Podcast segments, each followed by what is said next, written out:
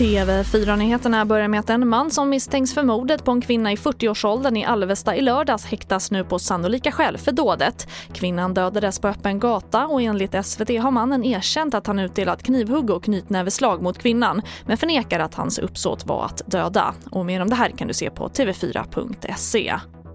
Och Södersjukhuset i Stockholm tvingas nu pausa den allmänna mammografiscreeningen efter att flera i personalen testat positivt för covid-19. Det rapporterar Sveriges Radio. Stoppet påverkar omkring 500 kvinnor per dag under två veckors tid och alla som har en tid uppmanas att boka om den. Sjukhuset kommer prioritera kvinnor som misstänks ha bröstcancer.